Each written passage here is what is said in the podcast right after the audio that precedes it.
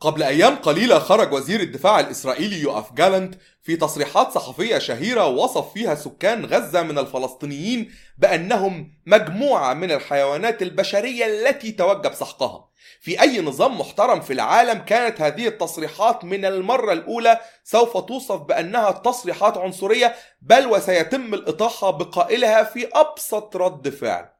لكن المثير للدهشة إن إحنا لقينا دوائر الإعلام والسياسة الغربية اللي المفروض يعني تعني بالديمقراطية وحقوق الإنسان لأنها بتقول لنا إن إسرائيل هي واحد وجنة الديمقراطية في الشرق الأوسط وإن إسرائيل لا تبادر أبدا بالعنف وأنها فقط ملزمة بالدفاع عن نفسها ورد الفعل وإن الإسرائيليين ضحايا وإن يا حرام يعني الفلسطينيين هم اللي بادروا وبدأوا بالهجوم وهم من يستحقوا العقاب.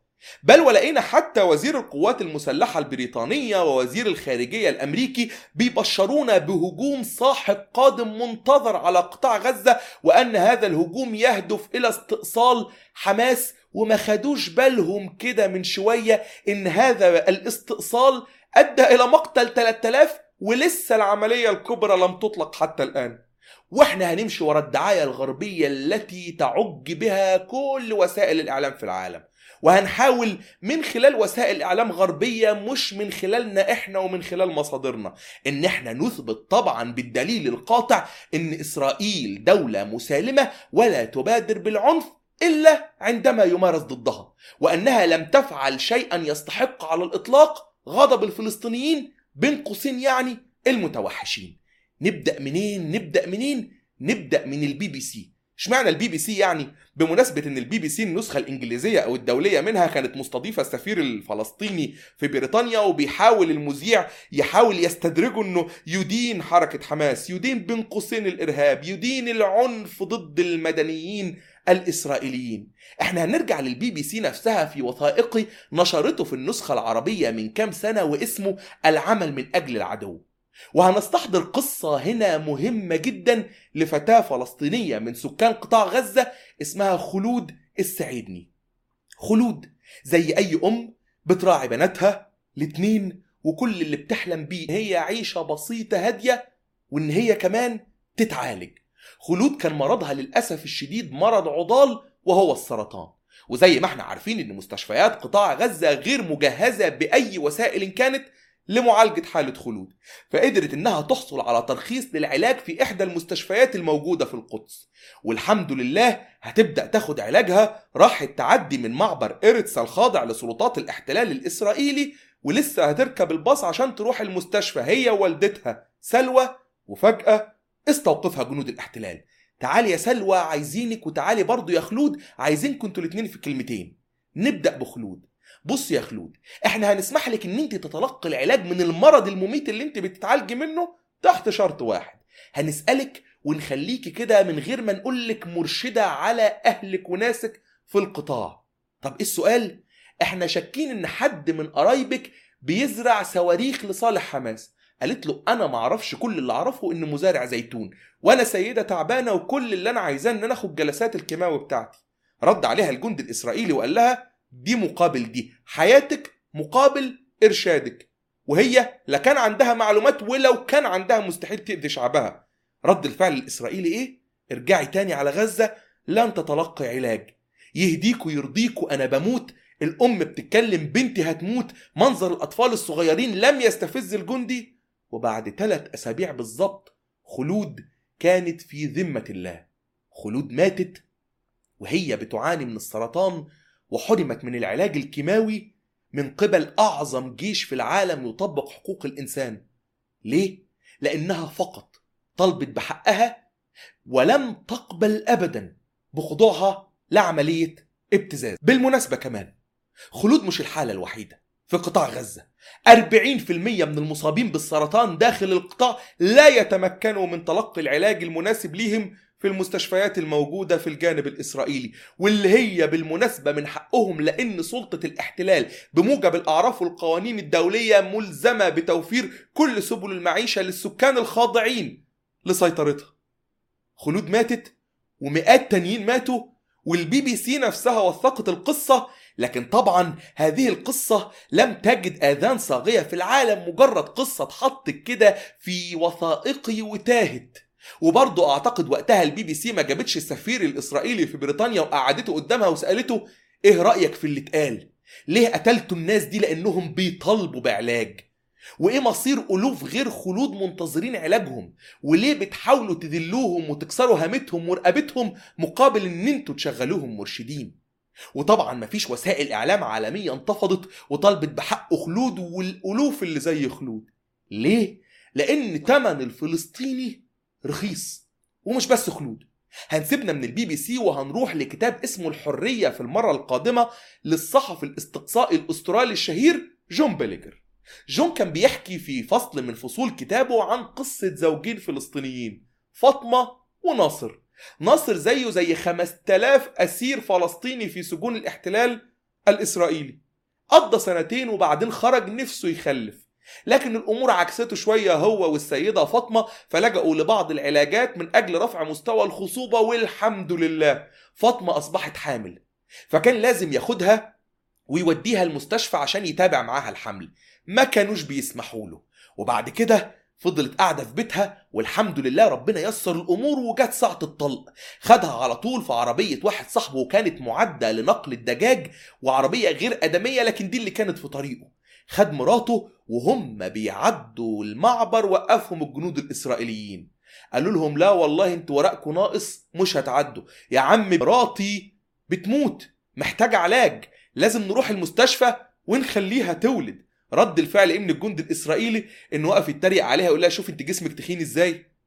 والحل برضه مش هتروح. ارجع تاني على بيتك.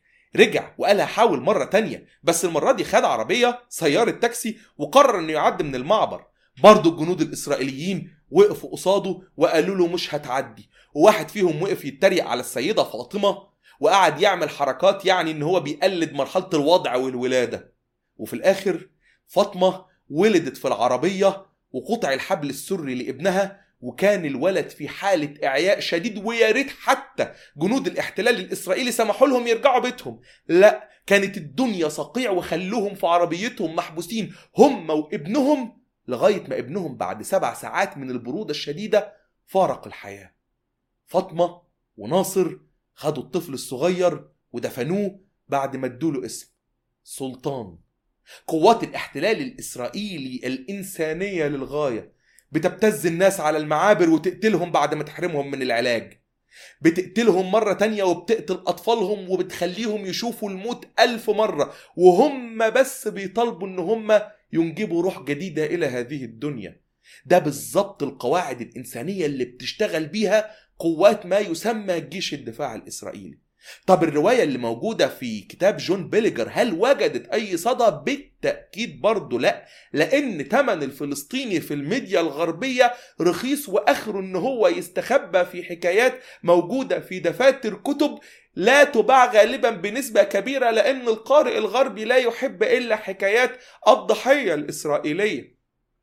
طب إحنا هنسيبنا بس من القصتين دول ونروح لقصة تانية بترجع قبل ذلك التاريخ ب 41 سنة تحديدا. يونيو سنة 1982 في اليوم ده وقف رئيس الوزراء الإسرائيلي مناحم بيجن أمام الكنيست وهو يعلن بدء ما يسمى عملية سلام الجليل بهدف احتلال لبنان والعاصمة اللبنانية تحديدا بيروت لإخراج قوات منظمة التحرير الفلسطينية منها. قبل ما يقف قدام الصحفيين كان أفيجادور بنجال وهو قائد قواته التي غزت لبنان قام بعمليات قصف واستهداف مروعة لمخيمات اللاجئين الفلسطينيين. فبعض الصحفيين المستقلين من دوائر غربية توجهوا بالسؤال لمناحم بيجن وقالوا له ليه بتقصف المدنيين وانت بين قوسين بتعلن يعني إن هدفك الأساسي هو العسكريين الفلسطينيين الذين يقاتلون ضد إسرائيل؟ تخيل بقى رد مناحم بيجن وهو بيديهم محاضرة ساخرة ومستهزئة بكل ما يقولون. قال لهم هم الفلسطينيين يعني أو المدنيين الفلسطينيين يحلوا في عينيكم. إحنا طول عمرنا بنعتبر إن المدنيين يأووا الإرهابيين وإن المدنيين ليسوا إلا هدف مشروع لقوات الدفاع الإسرائيلي. وقال لهم كمان هو أنتوا ناسيين يعني إن إحنا هجرنا مليون ونصف المليون مواطن مصري من على ضفتي قناة السويس وإحنا في أيام حرب 67 طب ليه دلوقتي زعلانين؟ أيوه هنستهدف المدنيين.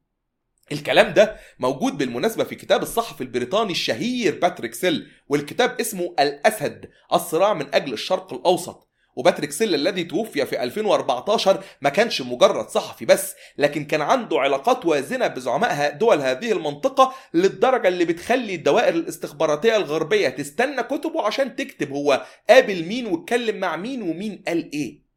وهذا وثقه باتريك سيل وهيوثق بعد كده إن الاستجابة من الجنود الإسرائيليين للخطاب الساخر من مناحم بيجن بحق الفلسطينيين هذه الاستجابة كانت مدهشة. في خلال أسبوعين بس قصفوا المخيمات الفلسطينية وقتلوا 19 ألف فلسطيني ولبناني. ده كان نتيجة للخطاب الساخر فقط من المدنيين ويا ريتها هتقف عند كده. زي ما إحنا متفقين طبعا وفقا للرواية الغربية إن إسرائيل لما ترد بتستهدف المقاتلين بس. وده هيتأكد لنا شوية في 16 سبتمبر 1982 بس في 14 سبتمبر لازم كده نرجع بالتاريخ شوية ونتذكر إن هذا هو اليوم الذي اغتيل فيه الرئيس اللبناني بشير الجميل. وبشير الجميل كان وقع اتفاق بالتحديد في مايو اتفاق تطبيع مع الإسرائيليين. وهذا الاتفاق لم يعجب كل فصائل المقاومة اللبنانية والذين نفذوا يعني عملية اغتيال بحق هذا الرئيس المطبع.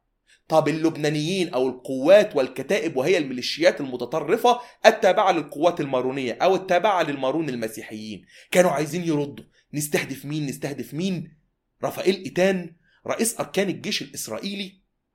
اجتمع مع إلي حبيقه ممثل الكتائب والقوات اللبنانية وكذلك مارون مشعلاني وقال لهم عايزين تنتقموا؟ انتقموا من مين؟ من سكان المخيمات الفلسطينية. بس عايز هنا أقف معاك وأقول لك كلمة واحدة فقط. إن قبل هذا التاريخ موفد الرئيس الأمريكي إلى الشرق الأوسط وإلى لبنان تحديدا واسمه موريس دريبر أكد للإسرائيليين بما لا يدع مجالا للشك أن هذه المخيمات لا يوجد فيها عسكري مسلح واحد وأن كل المسلحين إما أنهم ألقوا أسلحتهم أو غادروا مع ياسر عرفات إلى تونس ولا يوجد في هذه المخيمات سوى مدنيين والإسرائيليون كانوا يعلمون مقدما أن سكان المخيمات الفلسطينيه غير مقاتلين.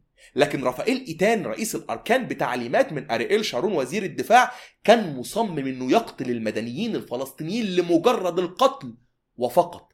وبالفعل يوم 16 أي بعد يومين من اغتيال بشير الجميل اللي حصل كان مروع. دخل أكثر من 600 من عناصر القوات والكتائب اللبنانية إلى مخيم صبرا وشتيلة بغطاء جوي إسرائيلي. إسرائيل نورت السماء بالقنابل الفسفورية لصالح الكتائب اللبنانية. إسرائيل أمدتهم بالخرائط عن كل بيت وسكانه. إسرائيل مهدت لهم الطرقات وحصرت المخيم وقطعت كل وسائل المواصلات. إسرائيل قطع الكهرباء وقطعت الماء وكانت بتنتظر فقط. عدد القتلى الذين سوف يطيح بهم الكتائب اللبنانية وعناصرها. 36 ساعة من القتل وأريئيل شارون كان يقف على العدد بالتفصيل وبنفسه. و3600 مدني فلسطيني امرأة وشيخ وشاب ورجل وطفل قتلوا وبقرت بطونهم وسادت حالة من الرعب. لما لقوا الصبح ما عشرات ومئات الجثث ملقاة في الشوارع وكانت حتى ريحتها من النتن بما كان إنهم كانوا بيرشوا عليها مواد عازلة عشان ما تنقلش الأمراض في الجو وتخرج منها وتتسرب إلى خارج المخيم. وقتها اريئيل شارون ما كانش عنده أي مشكلة إنه يقتل 3600 مدني بلا ذنب وإنه وإنه وإنه يمارس أقصى درجات التضليل للمجتمع الدولي وساعتها موريس دريبر بالمناسبة موفد الإدارة الأمريكية راح قابل شارون وقال له عار عليك ما فعلته أنت المسؤول لكن هل يا ترى حسب شارون أمام محاكم الجنايات الدولية؟ هل يا ترى استدعت القيادات الإسرائيلية ونددت بها في وسائل الإعلام؟ هل المجتمع الدولي خد أي رد فعل بتصنيف إسرائيل كدولة إرهابية توجبت مقاطعتها؟ لا لا لا لا في ثواني كده الإسرائيليين حبوا يرادوا الأمريكان فسحبوا شارون من وزارة الدفاع وبعد كام سنة هيصبح رئيس وزراء إسرائيل. ده المدني الإسرائيلي الطيب الغلبان والجندي الإسرائيلي الذي يلتزم بأبسط مبادئ حقوق الإنسان. وده بالظبط اللي إحنا بنشوفه في أفعالهم في تصريحاتهم. القتل ولا شيء غير القتل. وده مش كلامنا إحنا. ده كلام وسائل الإعلام الغربية من البي بي سي لمؤلفين بريطانيين لصحفيين فرنسيين لصحفيين أستراليين لمسؤولين أمريكيين نفسهم زي موريس دريبر. طب ليه يا ترى كل هذه الأشياء لم تأخذ حقها في وسائل الإعلام؟ ما هو منطق الأشياء بيقول إن المجرمين اللي نفذوا عمليات القتل دي واللي قتلوا ألوف مؤلفة من البشر في مذابح جماعية أو إن هم يعني منعوا الناس من تلقي العلاج حتى موتهم أو إن هم كانوا السبب في موت طفل بريء ليه الناس دي ما بتلاقيش ضجة في وسائل الإعلام ضدها ببساطة شديدة؟ لأن وسائل الإعلام الغربية لا تكتفي إلا بذكر الفلسطيني كده في سطر عابر من باب إبراء الذمة ومن باب إن إحنا حياديين وموضوعيين. سطر يتكتب عن جريمة لحقت بفلسطيني وألف مليون مجلد وكتاب يتكتبوا عن بين قوسين يعني الجرائم التي ترتكب في حق الإسرائيليين. دون اعتبار لأن الإسرائيليين هنا هم الفعل ثم الفعل ثم الفعل وإن الفلسطيني لما يجد ويتعب ويقاوم بيمسكوه من رقبته وإيديه ورجليه ويقول له إلحق أنت إرهابي ولا بد من القضاء عليك.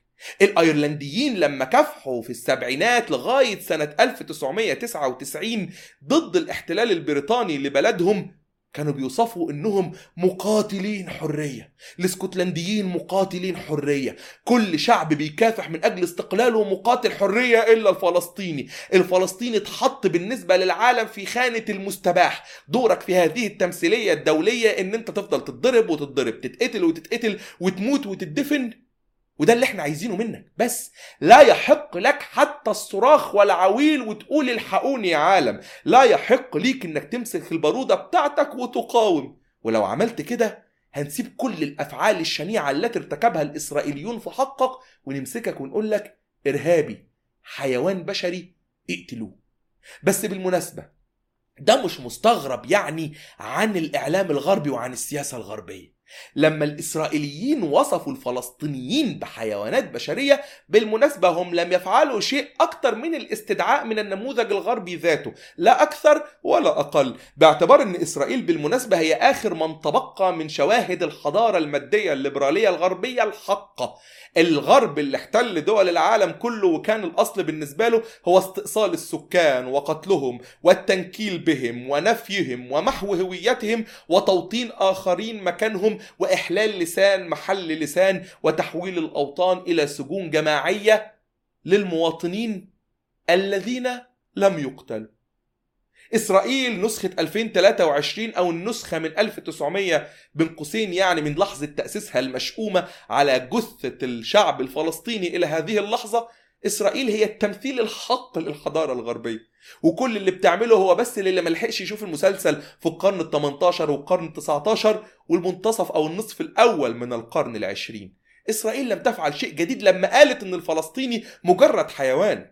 ببساطة شديدة هي عملت زي الألمان عملوه في ناميبيا بحق قبائل الهيريرو والناما لما وصفوا السكان المحليين بأنهم مجموعة من الحيوانات من سنة 1898 لغاية سنة 1904 والنتيجة؟ لأنهم شايفين الأفارقة حيوانات قتلوا 75% من شعب ناميبيا في أول إبادة ارتكبت في العالم.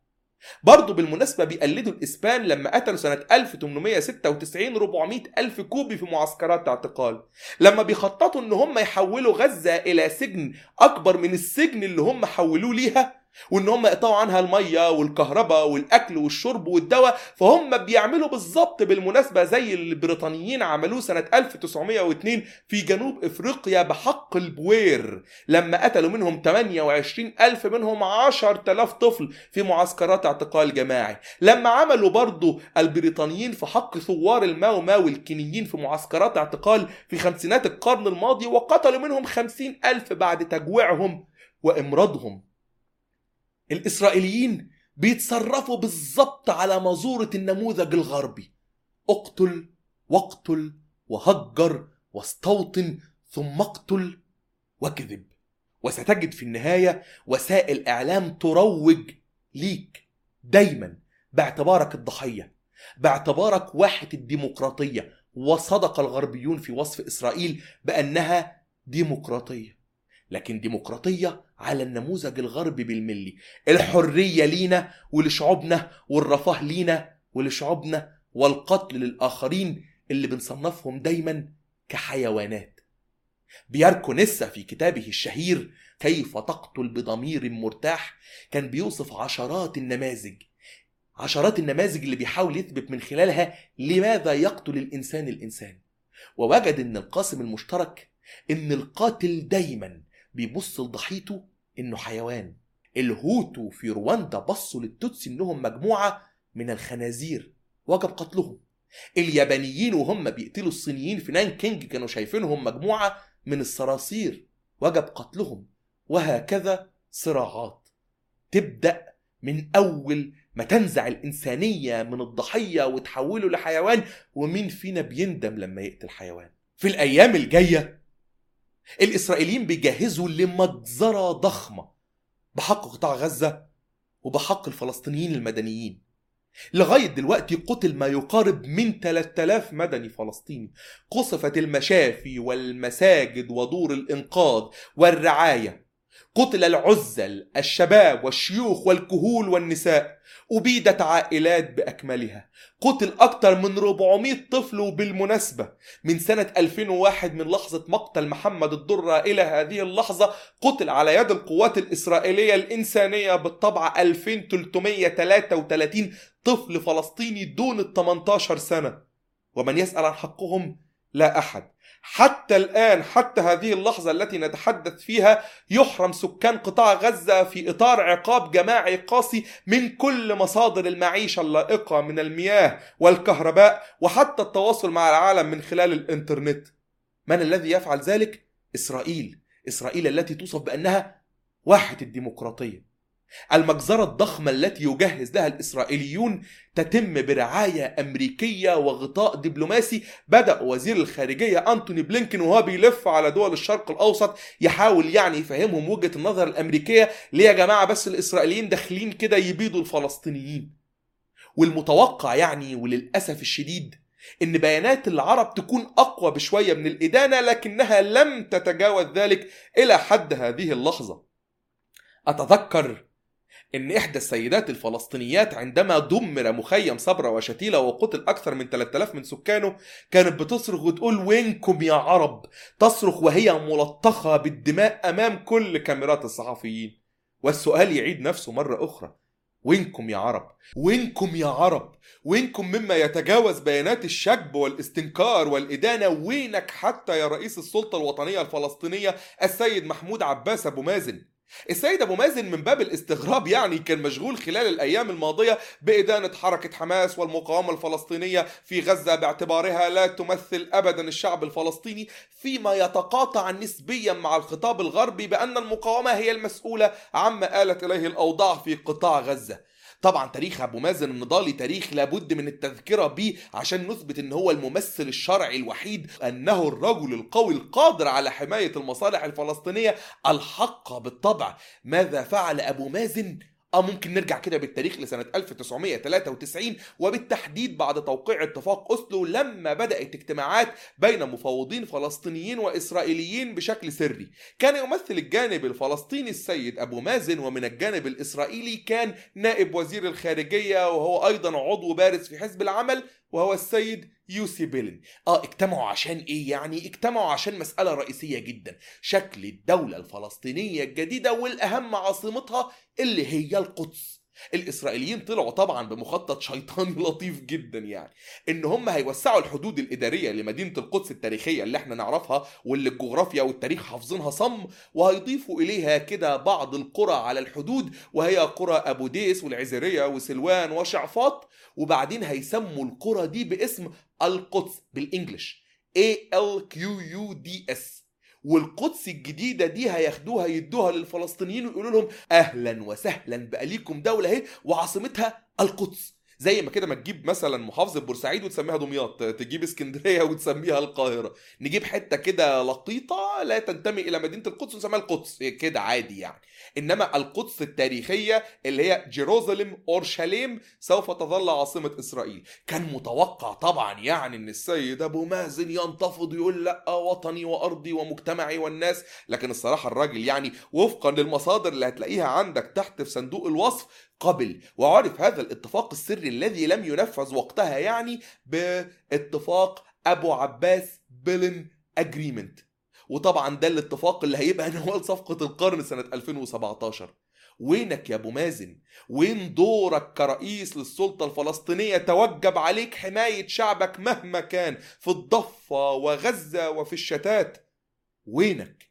لا يوجد لا أثر لا أثر لشيء سوانا. ليه إحنا اتكلمنا عن كل القصص دي؟ لأنها قصة الإنسان الفلسطيني العادي. الإنسان اللي كتب عليه الموت في السلم قبل الحرب في الهدنة قبل السلاح هذا الإنسان يتعرض لانتهاكات يومية مستمرة تجهد أطفاله وتقتله بالمرض بالبطيء بالألوف بعشرات الألوف ولا يدري عنه العالم. وهم دول وهم دول الواجب التذكير بيهم جنبا إلى جنب مع ضحايا المجزرة الإسرائيلية في غزة. حتى لا يتوهم العالم زورا وعدوانا بأن هي حرب متكافئة بين معسكرين يقتل أحدهم الآخر والثاني يرد الله لم تكن يوما على الإطلاق. هي حرب إبادة ممنهجة ضد الوجود الفلسطيني من سنة 1948 إلى يومنا هذا. وهذه القصص الموجودة في وسائل إعلام غربية وغيرها بالمئات بل والألوف في وسائلنا نحن تؤكد ذلك. الفلسطيني العادي مستباح من قبل الإسرائيليين ولا يجد العالم أدنى غضاضة في ذلك. بس إحنا هنفضل صوتهم إلى أبد الدهر مهما كممت الأفواه من وسائل التواصل الاجتماعي التي تمثل أنظمة ديمقراطية غربية. مهما كتب علينا الخرس بفعل فاعلين سوف نظل صوت المقاومة وصوت الأبطال المستبسلين داخل الأراضي الفلسطينية في قطاعنا الصامد.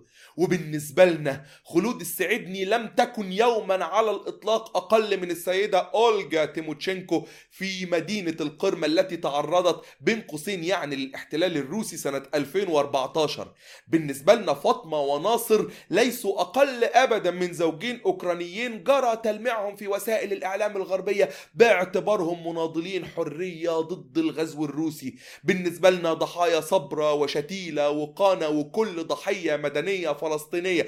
قتلت في هجمات بربرية إسرائيلية ليست أقل أبدا من الضحايا الأوكران والجورجيين الذين تم تلميعهم في 2008 و2022 بالنسبة لنا أهالينا المدنيين وطواقم الإسعاف والدفاع المدني المحاصرين إلى هذه اللحظة في قطاع غزة ليسوا أبدا على الإطلاق أقل من الضحايا الأوكران الذين كانوا محاصرين في مصانع الحديد والصلب في سيفاستوبول في بدايات الحرب الروسية على أوكرانيا سنة 2022 لكن وسائل الإعلام الغربية العوراء التي لا ترى إلا بعين واحدة تمجد الأوكرانيين وبين قوسين تضحياتهم وتلعن الفلسطينيين وتصفهم بالهمجيين البربريين. وسوف نظل صوتهم بكل ما نمتلك حتى وإن خرست ألسنتنا حتى وإن تبخرت أجسادنا. ستبقى الكلمة الأخيرة على ألسنتنا النصر لفلسطين. أنا عبد فايد. كنت معاكم في الحلقة التانية عن فلسطين من بودكاست ألف باب. لو عجبكم الفيديو ما تنسوش تدعموه ب like و share و comment. وبالتأكيد تقولوا لنا إيه هو المتوقع في الأيام القادمة وإيه اللي أنتوا عايزيننا نتكلم عنه في الحلقات المقبلة عن فلسطين.